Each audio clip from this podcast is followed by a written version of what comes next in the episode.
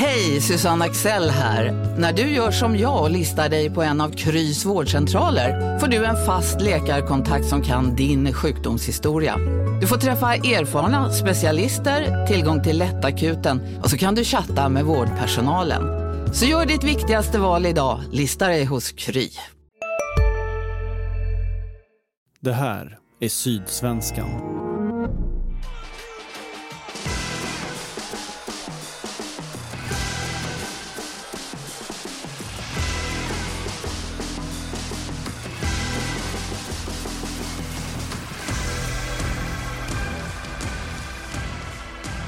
Välkomna tillbaka till MFF-podden. Det här är avsnitt nummer 285. Jag heter Fredrik Hedenskog och jag har sällskap av Fredrik Lindstrand i studion och Max Wiman eh, i hemmets trygga vrå. Hej hej. hej! Um, idag så ska vi prata om Malmö FFs två senaste matcher. 2-0-segern hemma mot Mjällby och 0-2-förlusten mot AIK i Solna. Vi ska blicka framåt mot kommande matcher först och främst då tredje etappen i Tour de Stockholm och eh, bortamatch mot Djurgården. Men vi kan ju inte göra något av detta utan att prata om det som överskuggar eh, allt annat vad gäller Malmö FF, nämligen skadorna. Det är idag fredag den 13. Om, det är, om den dagen ger mer otur än andra, det vet jag inte. Men man kan i alla fall konstatera att det fortfarande på dagens MFF-träning saknades en väldig massa spelare. De skadade spelarna är många och profilerade och för att börja diskussionen någonstans så frågar jag dig Fredrik. Vilken lagdel eller vilken del av MFFs spel är det som lider mest av alla de här skadorna? Eh, tittar vi på statistiken så är det ju offensivt MFF lider. Defensivt har man ju nästan snarare gått bättre än tidigare. Eh, ja, om man liksom bara tittar på skadan på Anders Christiansen så är det ju, det, det, syns ju kanske som allra mest när MFF spelar de stora matcherna då som mot AIK här senast, eh, att man saknar en, en motor och någon som sätter upp andra i chanserna. Eh, tittar man på, på statistiken så har MFF rätt svårt att eller svårt, man kommer inte till avslut lika ofta som man har gjort tidigare säsonger och jag tror att detta är själva förklaringen, att man saknar den här offensiva motorn helt enkelt. Och eh, Isak Estelin också som, som kan liksom förvalta avslut, sätta bollarna i mål. MFF borde ha gjort fler mål än vad man har gjort hittills. Om man fortsätter den diskussionen Max, eh, och trots allt tittar på försvaret, så om man nu om man liksom börjar blicka framåt i det här skadescenariot, eh, så var ju Lasse Nilsen borta mot eh, AIK. Dennis Hadzikadunic är avstängd nu mot Djurgården och Johan Dahlin är skadad. Jag skulle just slänga in den där eh, avstängningen på Dennis Hadzikadunic i det hela för att den, vi kan inte bara prata skador så att säga utan det är ju också en del av det här som påverkar och eh, fram till nu så har jag, tycker, håller jag väl med att offensiven har varit det som varit lidande. Och Malmö har ju inte gjort särskilt mycket mål. Men eh, som det ser ut nu och att åka upp till Stockholm på Tele2 med ett, så stora problem i försvaret. och även om Ismail Diawara gjorde en fantastisk insats när han hoppade in senast. Eh, så tror jag ju att skadorna i backlinje och på målvakt och avstängningarna kommer att ställa till det väldigt mycket. Det finns ju så många osäkerhetsfaktorer. Nu var det ju faktiskt två vänsterbackar med senast eh, i senaste truppen mot AIK. Men båda började på bänken. Eh, Knudsen kan ju knappast vara redo för särskilt mycket spel. Eh, vad det gäller Martin Olsson så, så, finns det ju ständigt en osäkerhet kring hans skadestatus faktiskt. Eh, och om, om man håller tillbaka eftersom han inte startade matchen. Så att, eh, jag tycker det finns väldigt stora frågetecken kring försvarsspelet. Och eh, om man bortser från Hadzikadunic avstängning så, så är, är det så osäkert med allting också. Lasse Nilsson sades vara sjuk plötsligt och han är ju väl fortfarande inte tillbaka vad jag förstår. Det, det är ju, ja, många frågetecken där.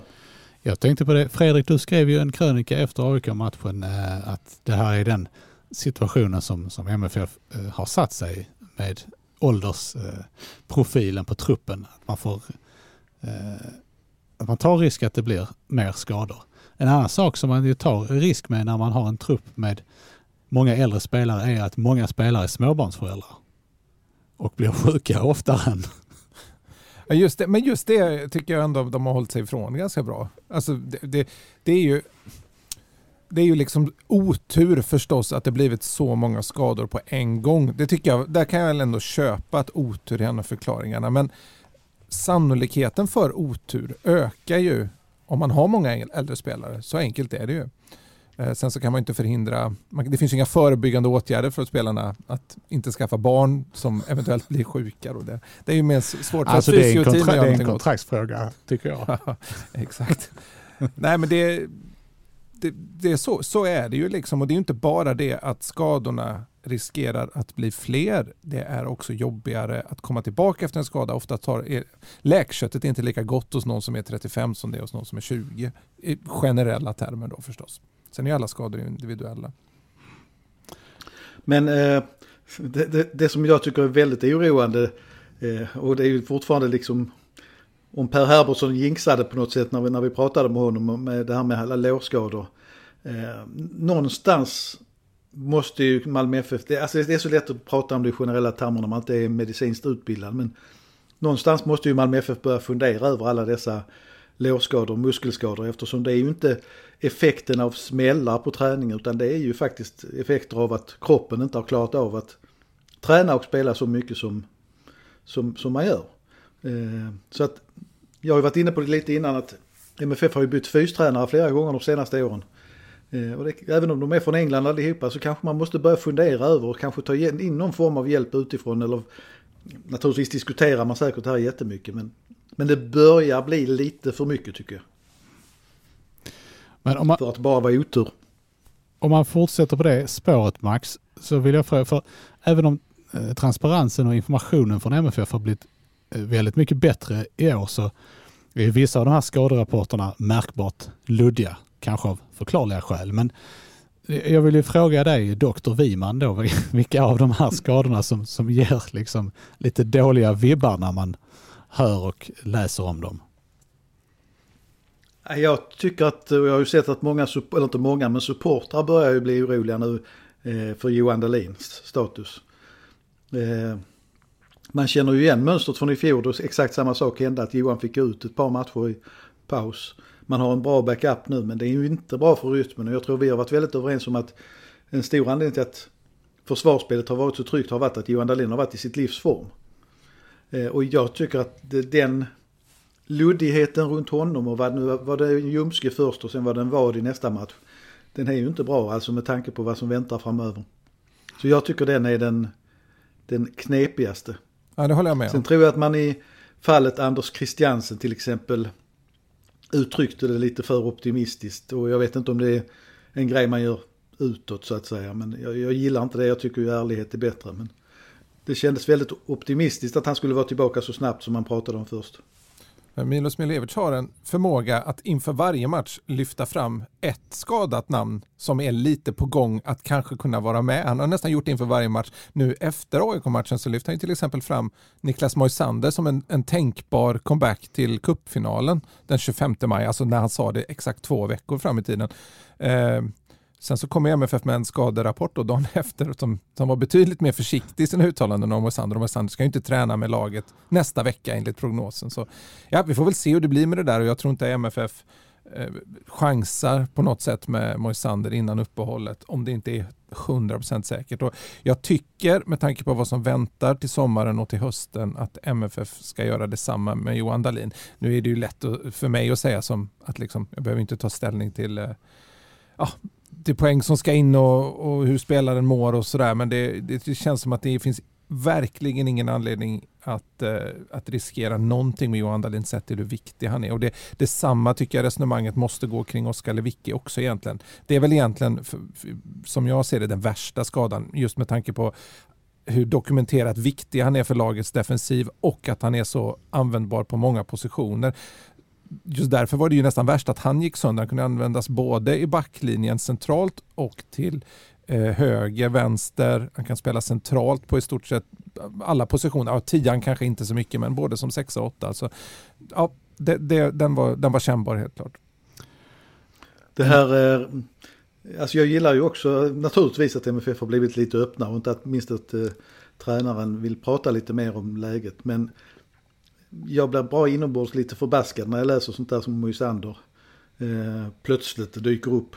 Eh, man, man har ju själva talat om att han förmodligen är borta hela vårsäsongen. Men att, att liksom han plötsligt skulle spela en kuppfinal tio dagar senare. Eh, när han fortfarande inte har tränat med laget och har haft en knäskada. Tycker inte ens vi behöver vara doktorer för att konstatera att det är ganska orimligt. En annan skada som, som lite grann liksom ligger och flyter känner jag är ju eh, Kiese Där kändes det ju det bytet när han gick ut i Värnamo kändes det som ett säkerhetsbyte ganska mycket. Men, men, eh, ja, den typen av skada när man går av i tid. Ja, sen dess har man inte sett röken av honom. Nej, han var ju väldigt nära. Han har varit ute och tränat men... Mm, man trodde att han skulle vara tillbaka till Mjällby framförallt. Det var ju liksom så, så snacket gick. Och och sen så, det måste ha hänt någonting på den träningen innan match egentligen. Eller kanske någon, en dag, ytterligare en dag eh, fram innan match. Jag var på den träningen, tror jag det var, två dagar innan match. Den sista öppna träningen i alla fall inför Mjällby. Och då gick han av, men han gick inte av med något fysio... Eh, något, någon fysioperson eller något sånt där. Utan, och det var inte så långt kvar av träningen så det var inte så att man reagerade på att oj, här har det hänt någonting. Men det kanske var precis just det som det hade gjort. Men om man tittar på den kortsiktiga effekten av, av, eh, av skadorna, det blir ju att det blir svårt för Milos Milojevic att ta ut ett lag till varje match. Han får förändra startelvan varje match, han får förändra formation till i stort sett varje match också. Att det blir, även om tränare inte gärna gillar, de säger alltid att det bara är liksom nummer på ett papper, men det, det vet ju alla att så är det ju inte. Det är mest att de inte vill överdriva det för att liksom sänka sitt lag inför en viktig match eller vad man ska säga. Det, det är klart att det spelar roll att, att Ola Toivonen flyttas fram och tillbaka upp och ner och Birman Severts får spela spets ibland och till vänster ibland och Abubakari liksom ligger ute till vänster ytterbreddare nästan mot AIK ganska långa perioder.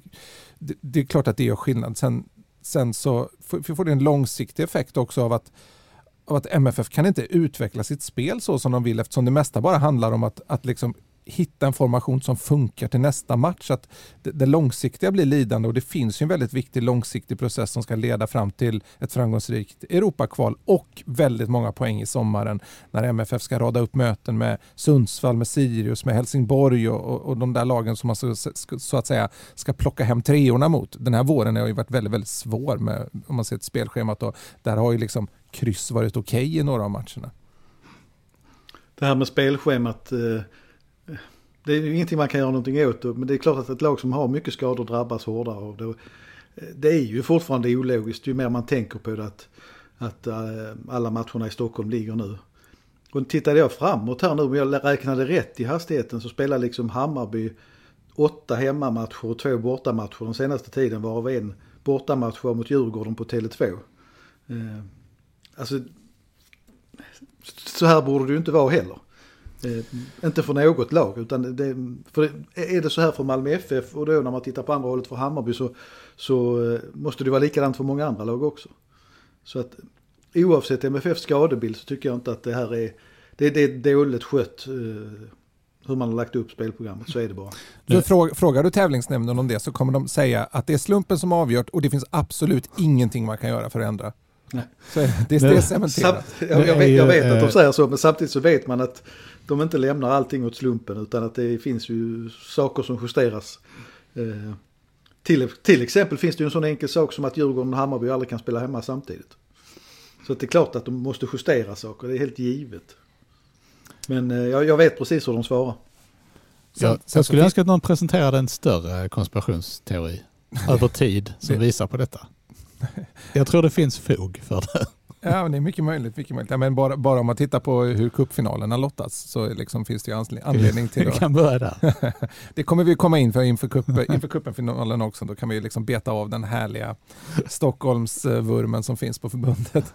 Eh, men, men jag det... tänkte, jag skulle bara säga det att mm. eh, även om fotbolls-Sverige är geografiskt eh, ganska litet så är det ju, så är det ju ändå så att resor sliter ju också.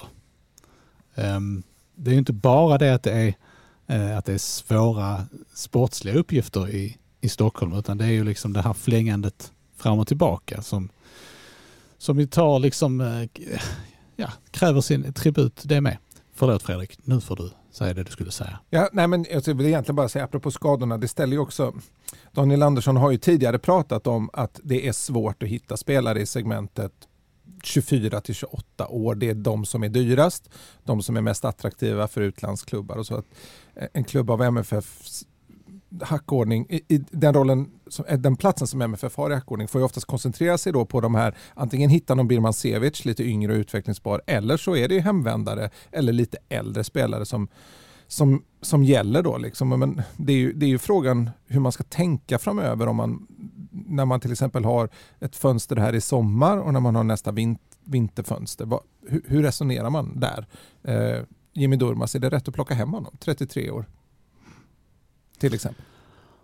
Men då känns det också som att eh, man behöver vara beredd att öppna plånboken lite mer om man ska ner i, i yngre ålderssegment. Mm. Ja, så är det ju. Liksom. Det, det är ju möjligt att MFF måste tänka om även på den platsen. Att det kanske inte, det kanske inte går att ha en sån här hög medelålder i så många år. Det, det kanske inte är så att man har otur nu utan man kanske snarare haft väldigt tur tidigare. Det är svårt att säga. Sen, sen samtidigt så, för jag håller med vad det gäller naturligtvis att åldersstrukturen är ett problem. Men det, det, det är inte heller, det kan inte heller bara vara den så att säga. Jag menar, spelare som Lasse Nilsson och Sören Rex, ja de har blivit ännu äldre nu men de har ju faktiskt spelat. Sören Rex har ju aldrig varit skadad innan. Eh, så att någonstans är det ju någonting som händer här och nu också som man får fundera över.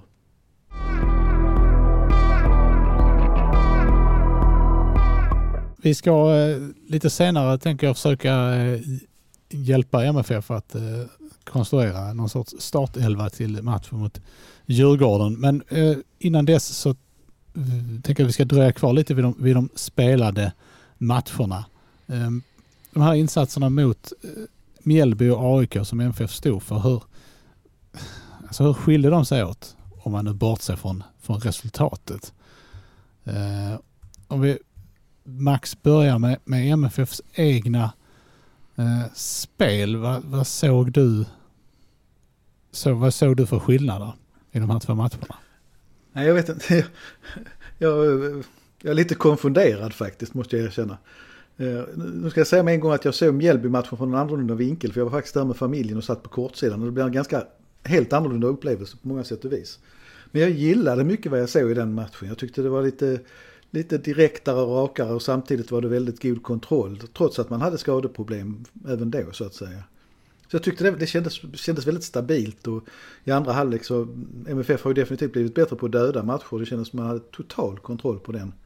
Nu var Mjällby inte jättebra men, men, men sen det som händer mot AIK så ju längre matchen led så blev jag liksom mer och mer frustrerad för att även här gjorde man ju, tyckte jag i många stycken som mot Hammarby, en bra bortamatch. Det var ju inte så att AIK hade något massivt tryck eh, hela tiden eller något så här utan eh, jag tyckte det länge, men sen ju mer jag började fundera så tänkte jag Malmö har ju inget eget spel. Eh, det är ett evigt passande i backlinje och fram och tillbaka på mittfält igen och det är för lite löpningar i straffområdet och det är för lite skott utifrån. Jag känner man, man känner upprepar sig som en papegoja nästan. Och lite intressant är att jag senaste dagarna har träffat eh, ett par gamla MFF-profiler. Jag ska inte nämna namn eftersom vi har pratat bredvid så att säga. Som har lite haft samma inställning att, att eh, det är för mycket handbollsspel plötsligt i vissa matcher igen.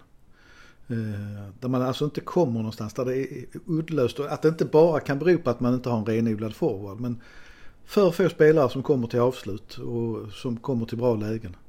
Så att jag, jag jag vet inte, på något sätt så kände jag mot slutet av AIK-matchen att fastän Malmö är tillbaka där man var innan, liksom, att man vet inte riktigt om det är bra eller dåligt.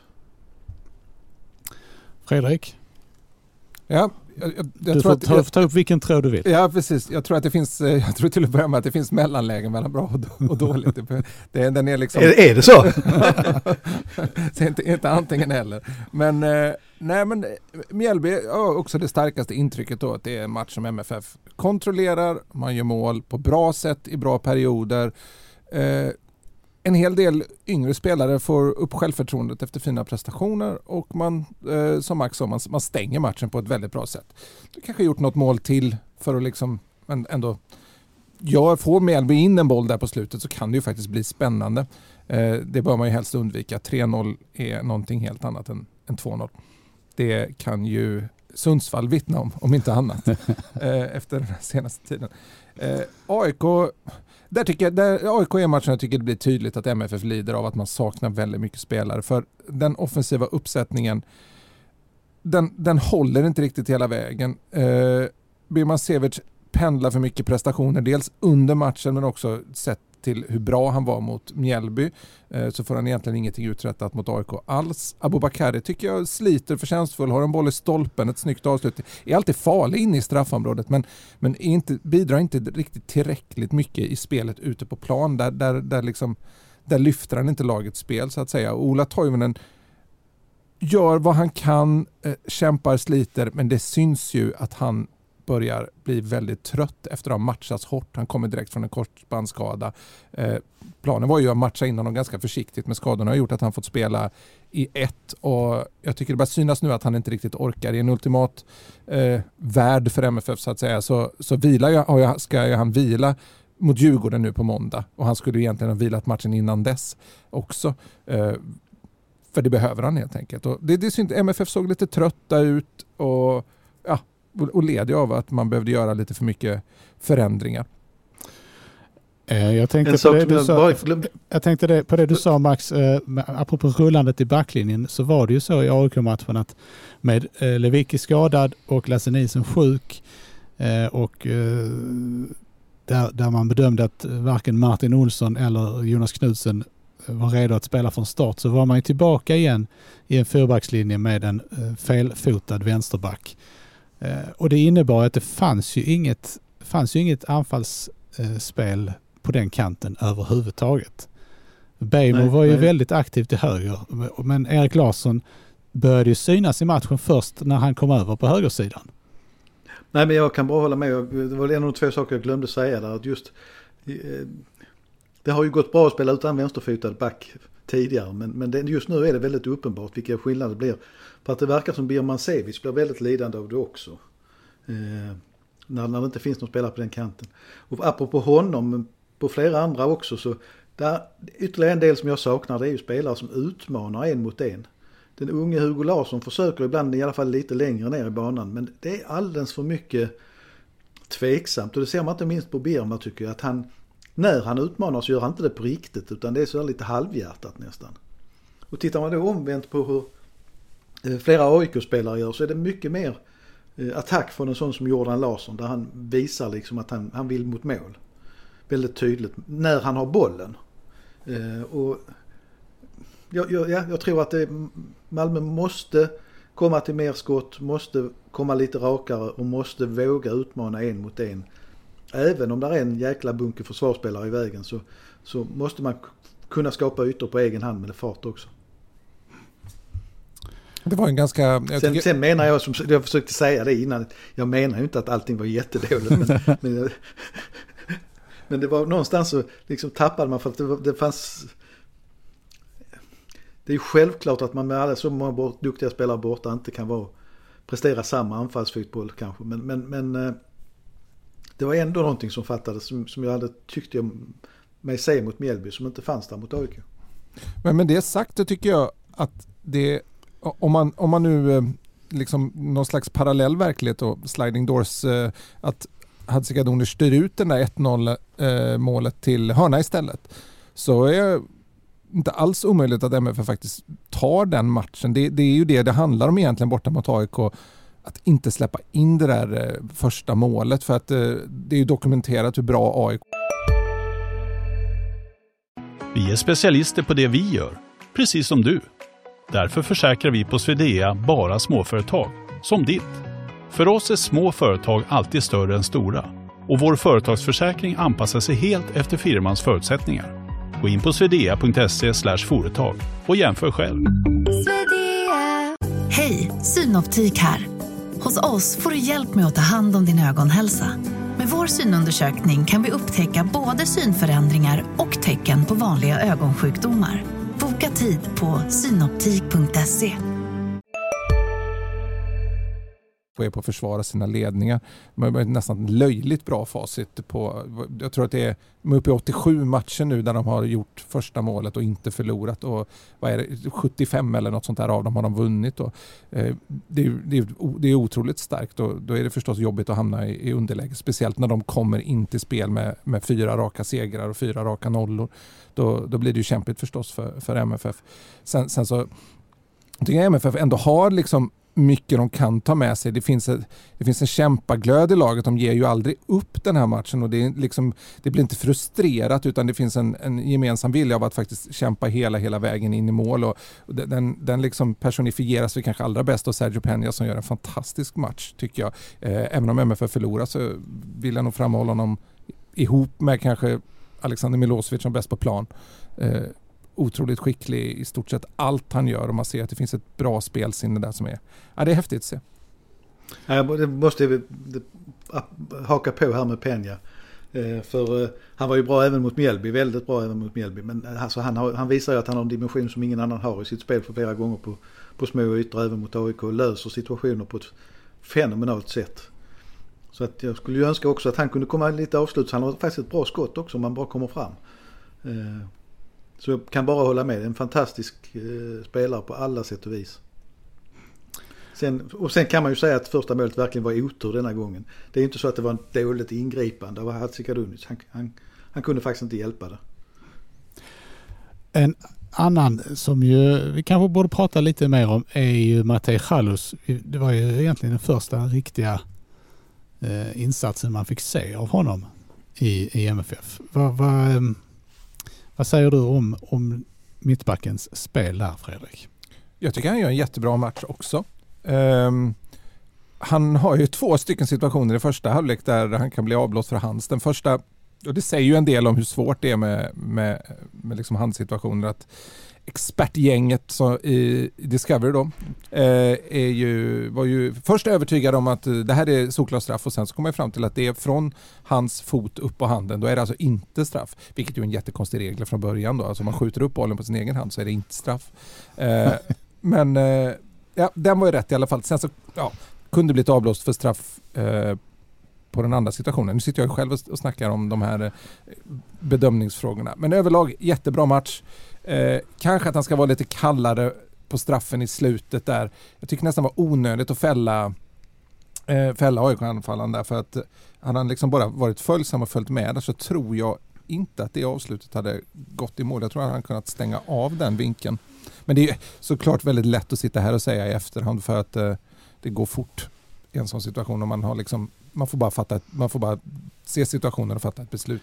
Det kändes ju också, eller när man såg repriserna, som att eh, AIK-anfallaren med det jättelånga efternamnet som jag nu inte kan eh, upprepa eh, visste vad han gjorde och eh, satte in sin högerfot lite grann eh, just för att bli tacklad. Eh, så att eh, Nej, det fanns, ja, det var, det jag, vet var... Inte om, jag vet inte om han gjorde det eller, eller om det bara var att han fick en dålig touch. Ja, och, och, liksom, och, och, på något sätt fick lite tur och att han blev fälld så att säga. Jag vet inte vad det gäller Chalush. Jag, jag känner fortfarande en osäkerhet på... Jag tycker han är lite klumpig i vissa situationer fortfarande. Eh, och hade någon taskigt uppspel också om jag minns rätt. Jag är, eh, ja, det, det, det, kommer att bli tufft mot eh, Djurgården och Malmö får vi verkligen hoppas att Lasse Nilsson också kan spela i alla fall. För att annars vet jag inte riktigt hur de ska lösa det. Eh, sen ska jag inte ta någon lång utläggning igen här. Men jag satt, jag satt ju också och tittade på de här situationerna, straffsituationerna. Det var ju någon fällning också för mig som någon MFF som blev trampad. Ja, Erik Larsson. Eh, som, ja, det var det nog, ja just det. Eh, men återigen så säger jag bara liksom att ska, ska vi ha rättvisa där så, så, är det ju VAR som krävs. Alltså, det, det, här var, och det hade varit väldigt intressant om man hade fått en VAR-domare att berätta hur de hade dömt i de här situationerna. Det är ju inte någon aktiv domare som vill prata om det eftersom de drabbar en kollega. Men eh, det var väldigt intressant att veta om det hade blivit några fler straffar och i så fall hur många och varför. Ja, ja då... Ehm, det är kul att vi återkommer till det här lite då och då. Jag säger så här, om inte VAR hade funnits så hade vi inte diskuterat någon av de här situationerna överhuvudtaget. För det är ingen av dem som är straff. Det är liksom slumpmässiga situationer som uppstår där i straffområdet där det är trångt och små marginaler, bollar som studsar hit och dit. Den här Erik Larsson, det var ju en, eh, en solklar brytning. Sen råkade AIK, AIK-arens fot hamna ovanpå Erik Larssons fot efteråt.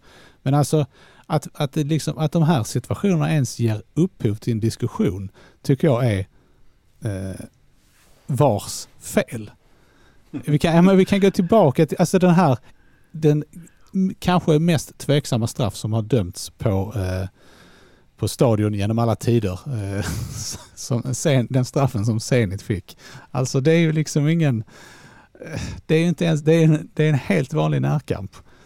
Eh, och det, vi har lite grann hamnat där, eh, där man då liksom alla situationer som som sker i straffområdet är potentiella straffar. Jag vet inte, jag tycker, jag gillar inte det. Alltså det, det, det, den, för, Nej, den förlängda alltså- effekten alltså... av det är att man kan inte ha något närkampsspel i straffområdet därför att allting kan vara straff.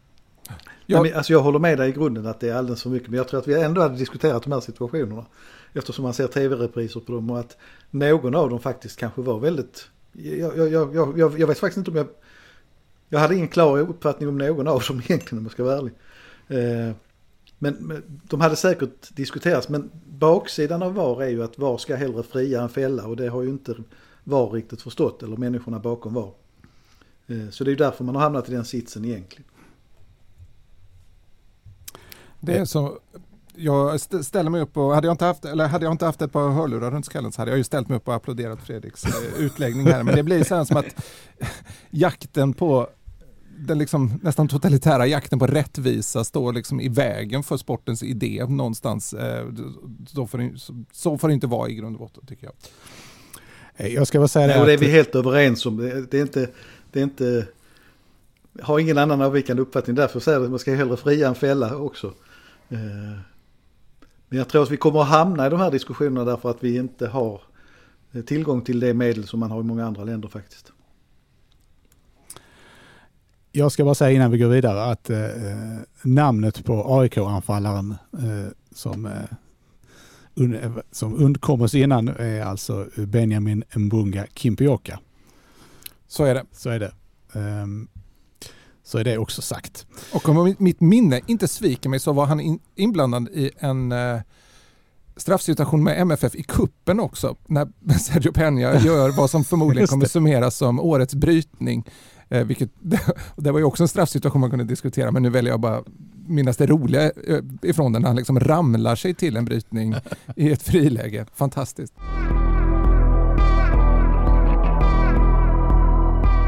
Då tänker jag att vi ska blicka framåt. För närmast för MFFs del så väntar Djurgården borta på måndag. Vilka ska spela i den matchen? Vilka kan spela i den matchen? Fredrik? Jag har roat mig med att ta ut en elva. Oh. Men vi kan spara den till... Som av en slump? Ja, precis, precis. Jag var inte alls ombedd att göra det, men det gjorde jag. Eh, jag tror att Lasse Nilsen lär vara tillbaka. Eh, det har väl MFF också hintat om i den här skadeuppdateringen och eftersom det är en sjukdom så har jag svårt att se att den skulle liksom sitta kvar så länge. Jag gjorde ju en... Eh, jag, jag hade svårt att bestämma mig om det var dålig timing eller väldigt bra timing att jag gjorde en införartikel på Lasse Nilsen om att han har spelat varje MFF-minut i år eh, hade jag inte gjort det nu så hade jag ju aldrig kunnat göra den. Sen så var det ju väldigt tråkigt då att han inte kom till spel för min artikels skull. Eh, men det här var, men då, då satt han ju alltså ombytt och redo att resa. De tar ju på sig kompre, kompressionsstrumpor och så vidare när de ska flyga. Och så kan man ha invändningar mot att MFF flyger till Stockholm ur ett miljösynpunkt, men det är en annan diskussion. Ja, men ska man dit eh, varje vecka så så blir det mycket dåligt för miljön. Ja, och det tar också mm. väldigt lång tid om man ska resa på annat. Ta, jag kan, Får jag bara flika in att jag tror att Lasse Nilsson inte vill att vi ska göra sådana artiklar om honom. För jag gjorde en sån när MFF skulle möta Benay Yehuda i Champions League-kval för några år sedan. Och då missade han den första matchen typ på två år. det var samma sak att prata om honom dagen innan match. Nu kanske sista gången jag gjorde en sån artikel överhuvudtaget. Eh, nej men... Eh, jag, jag... Alltså annars är ju Chalus den enda tillgängliga eh, mittförsvararen. Ja. Nej men tesen var väl att det var något han hade dragit hem från från dagis då. Exakt, Exakt. det är det jag säger. Ja, och eh, det skulle väl vara konstigt om det var något långvarigt. Det kanske var någon magsjuke basil kan man väl tänka sig. Um, spekulerar fritt här. Men, Ja, eh, Det går mycket löss på dagis och skolor också. Kan det ha varit det? Skägglös. Eh, jag tror att han är tillbaka. Och jag tror inte att AC, Kestelin eller Rex spelar. För om man ska försöka tolka Milojevic, vilket inte alltid är helt lätt, eh, så pratade han inför matchen mot AIK om att konstgräs är ju en ganska stor variabel i allt det här när man ska väga in när spelare kan vara tillbaka och då var liksom tanken att att, ja, det, som jag tolkar det så att det är snarare så att man väljer att sätta in de här spelarna i spel igen mot Häcken hemma som är på, hemma på gräs. Att, att man har liksom man har mer, eller mindre att förlora på det så att säga.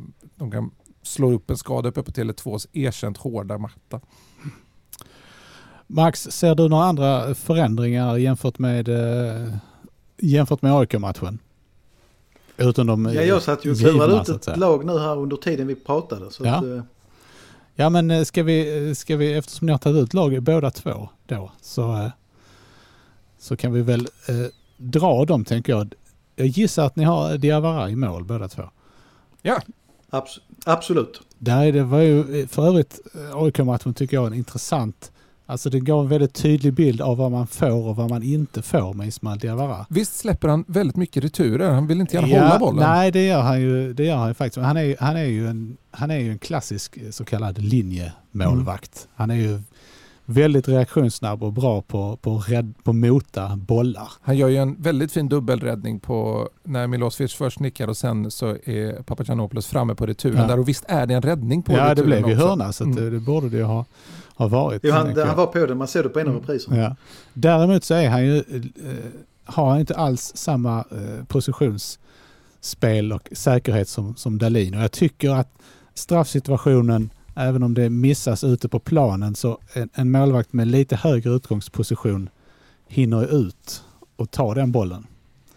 Ehm, Vet vad som gör att man eh, är några meter fram där då? Det är oftast matchvana också. Det, Ja. det måste ju ha det med det att göra så att nu har han ju fått två halvlekar, det kanske är någon slags inskolning. Kanske, det kan mycket väl vara så att han växer. ja, det är också svårt för en målvakt att bara få spela en halvlek hela tiden. Så kanske skönt att komma in MFF från får börja början. med någon slags handbollsupplägg Ja. med sina målvakter. Han är väl rätt van, jag tror han gjorde det tre gånger i fjol. Ja, Minst nej, det är, han måste vara den mest inbytta målvakten i svensk fotboll de senaste åren. Och jag tyckte det var lite fint efteråt också att eh, Johan Dahlin ändå tog upp det i sin intervju med Discovery efter matchen. Att han, eh, att han sa att det här är inte rättvist mot, eh, mot Ismael heller. Att, att, att läget är så att han går av i paus. Det är inte schysst för en målvakt att få komma in i paus för det är svårt. Eh, Eh, att man inte förberett sig på samma sätt mentalt för en match såklart. Så att, eh, det, det, mycket talar för att Diawara kommer bli säkrare i den typen av, och det känns som att det är ganska, framförallt för en målvakt, rätt stor skillnad på att få börja en match och hoppa in i den. Ja, alltså ja, det är ju... Eh, målvakter kräver ju ofta ganska långa och eh, intensiva förberedelser inför match. Det är, en, det är en uppvärmning som är betydligt mer intensiv än, än utespelare alltså, eftersom de på något sätt kan liksom sen jobba sig in i matchen. Målvakten måste ju vara klar när matchen börjar. Mm. Eh, men om vi går vidare då. Backlinje.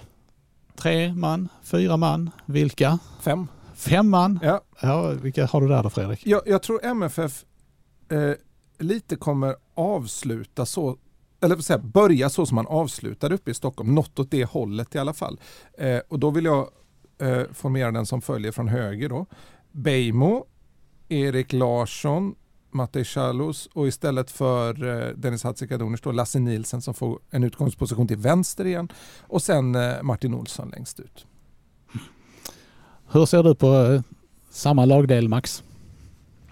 Jag eh, uppfattade inte riktigt, eh, men Fredrik har sagt rätt det där att, att Erik spelade så djupt nere. Men, men eh, jag, jag har samma fyra, alltså där bak Beijmo, Chalush, eh, Lasse Nilsson och Martin Olsson. Och så skulle jag kanske vilja i så fall kalla att Erik Larsson är, är vinge. Men, men eh, det, det kan vara, eh, alltså placeringen där mellan honom och Beijmo, jag, jag, jag köper om det är en, en eh, jag tycker det är bättre i Fredriks förslag än i mitt förslag om jag säger så. Men om du går, om du går vidare med, med mittfältet då? Max? Nej men då ser jag väl, nu, nu får ni hjälpa mig om jag glömmer någon här, men Penja givetvis, eh, Rakip eh, och sen skulle jag nog spela Hugo Larsson igen. Ja, det, det är de tre jag har skrivit. Alltså så som man spelade mot AIK helt enkelt. Ja. Och vad har vi kvar då? Då har vi kvar, eh, har vi kvar tre man i ditt eh, förslag Max. Och två i Fredriks. Har jag räknat rätt då? Eller nej? Du petade in Erik Larsson där också ju... som någon sorts fri roll. Uh, ja, tre, tre blir det väl oavsett va. Men för mig är det ju i så fall då att, att Birman spelar till vänster. Uh, att Toivonen spelar bakom Jo Inge Berget längst fram. Ja. Ja, det är ju här det blir lite svårt tycker jag. för jag vill, jag, jag liksom tänker på, jag vill nästan säga att jag kanske sköt lite för snabbt med, med mittfältet. Det skulle också kunna vara så här. Eh, jag gör en sen ändring helt enkelt. Jag stryker, jag stryker faktiskt Hugo Larsson eh, och sätter in Ola Toivonen där. Och eh, då får man alltså någon slags variant där Berget går som striker. Och så har man Birmancevic och Toivonen och Penja som någon slags flytande tremanna och så Rakip bakom där då liksom. Ja. Så då, då blir det ju liksom, vad ska man säga, att det blir Berget och Toivonen på topp så att säga. Lite så som eh, funkade väldigt väl mot eh, IFK Göteborg var det va? När eh, Berget eh, spelade på, som anfallare och störde backlinjen rejält där och så låg Toivonen bakom och hugg. Men det måste innebära att jag har en spelare för mycket i mitt lag också. Ja, det var ju det jag sa. Eller? Ja, det är rätt. Och då, då, då blir det ju egentligen samma rockad. Alltså, för då blir det ju Hugo Larsson som får stryka på foten och att, att Toivonen är, är lite där. Så att säga. Men då har jag ju mer Birma på kanten så jag är ju fortfarande mer ja, 4-5-1. Ja. 4-3-3, vilket ni vill. Vi... Jag, föredrar trebackslinjen men jag är väldigt osäker på om de får ihop det med det här gänget de har nu. Ja, jag säger, vi, vi lär väl få reda på det en timme före avspark, men det får vi inte. Då får vi veta, veta vilka elva som ska spela. Vi får vänta till avspark tills vi vet hur de, hur de ställer upp. Är det, är det inte rätt bra att jag i spelarkrisens MFF får ihop en spelare för mycket? Jo, det är, du kanske skulle, kanske skulle slå dem en signal. Eh, men om man, om man tittar på den här matchen då, hur, hur kommer den att se ut? Fredrik, tror du? Otroligt svårt när man inte ens vet vilka som reser med upp till Stockholm. ja. eh, Djurgården har ju haft en del problem. Eh, in, av Stockholmsklubbarna då, man tenderar ju till att bunta ihop dem, eh, så tycker jag Djurgården är de som har imponerat minst. Eh, Men de har argast tränare? De har argast tränare, eh, eh, det har de. Men det är inget nytt. Och jag, om, om MFF nu vinner så är jag glad att jag inte är den som ska stå och intervjua honom i direktsänd tv efteråt. Eh, vad ska man säga? Ja, Djurgården kom, jag, jag, kan tänka mig att det blir en ganska lik match som, som cupfinalen. Eh, eller cupsemifinalen. Där eh, alltså ett Djurgården som försöker pressa på. Som behöver poäng. Eh, mer, de behöver vinna mer egentligen än vad MFF gör. Eh, de kommer nog vilja ta den taktpinnen och MFF gjorde en bra match mot Hammarby. Jag tror man kommer försöka upprepa den. Även om det är två olika lag så är de inte, det är inte helt väsensskilt i hur de spelar sin fotboll. Eh, och underlaget inbjuder ju också till en typ av fotboll. Jag tycker MFF skötte det bra mot Hammarby. Man växlade kant på ett väldigt skickligt sätt och det är just det som, tror, som får mig att tro att man, att man faktiskt väljer att spela med vingar den här gången för det funkade bra senast där ute. Man använde hela planbredden om man tänker i termer av resultat, Max, vad behöver MFF för att de ska, de ska så att säga, känna sig nöjda med den här Stockholmsturnén totalt sett? Nej, jag kan inte göra annat än hålla fast vid oavgjort. Eh, jag tycker ingen kan begära att Malmö FF i det här läget ska vinna uppe i Stockholm mot Djurgården. Som delvis är lite pressat också att vinna. Eh, nej, alltså kan man på något sätt få till 0-0 eller 1-1 där uppe så är det väl mer än väl godkänt. Då har inte jag fler eh, frågor att ställa till er egentligen. Har ni något eh, mer som ni känner att ni inte har fått eh, säga? Max, räck upp handen. ja, jag vill återvända till eh, Mjällby-matchen och det faktum då att jag som sagt satt i en lite annorlunda position på södra, södra kortsidan. Eh, och eh, jag tycker att stämningen på allvar är på väg att återvända till stadion. Och jag har sett att flera supportrar har kommenterat också. Den här växelsången på ABBA-låten som liksom bara maximerades och maximerades mer och mer eh, under sista 12-13 minuterna av matchen. eh, var oerhört, alltså hur det växte längs med långsidorna. Eh, var oerhört imponerande och jag vet inte, jag, jag gillade det skarpt. Dessutom när man sitter på kortsidan så ser man på ett annat sätt hur läktaren minuten innan delas på mitten. Alltså ståplatsläktaren, att man, man separerar för att man ska hålla reda på de båda sidorna Eh, som sjunger i växelvis då. Eh, jag vet inte, jag, jag gillade det, jag tyckte det var rätt häftigt. Jag, på något sätt tänkte jag, det funkar också väldigt bra med det här, vi har pratat om det tidigare, det melankoliska Malmö, Malmö som också kör som växelsång numera och som kanske symboliserar, nu blir jag lite filosofisk här, men symboliserar lite det gamla Malmö. Och, eh, de, det som alltid slår ur underläge och har det lite tufft. Och sen när Abax-sången kommer så är det liksom en framtidstro på något sätt i den. Som eh, jag tycker att båda två symboliserar Malmö och Malmö FF på ett, på ett väldigt, väldigt bra sätt. Eh, och det var kul att se det från den vinkeln och uppleva det från den vinkeln. Jag tyckte det, det, var, det, det höjde upplevelsen definitivt. Sen kan man ju bara notera när man pratar publik att om jag såg rätt nu någonstans så hade väl Malmö fått och sålt 6 500 biljetter till cupfinalen. Nu är vi inte där riktigt ännu men, men eh, man kan ju få hoppas att de får en, om man får vara lite subjektiv så kan man väl få lov att hoppas att de får en roligare upplevelse än senast det var cupfinal i Stockholm. För Malmös del. Fredrik, har du något att tillägga? Nej, men man vet ju att Max är, är svag för ABBA. Men, eh, men det andas ett 70-talsband verkligen framtid? Ja, men de har hittat de något med den, den låten som, eh, jag vet inte. Där hänger inte jag upp mig på vilken tidsepok de är i. Men, men, eh.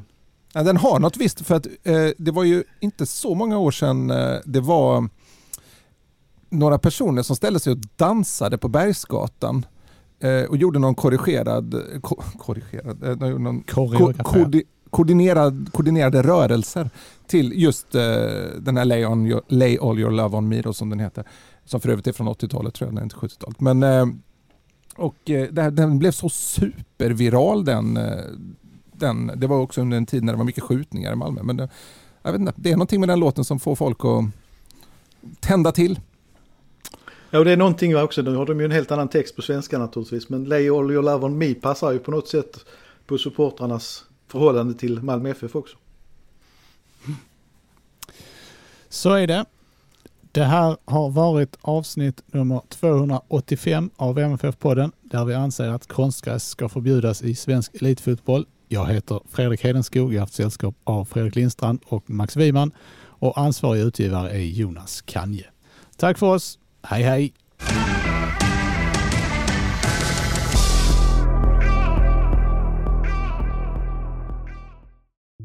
Det bara smäller.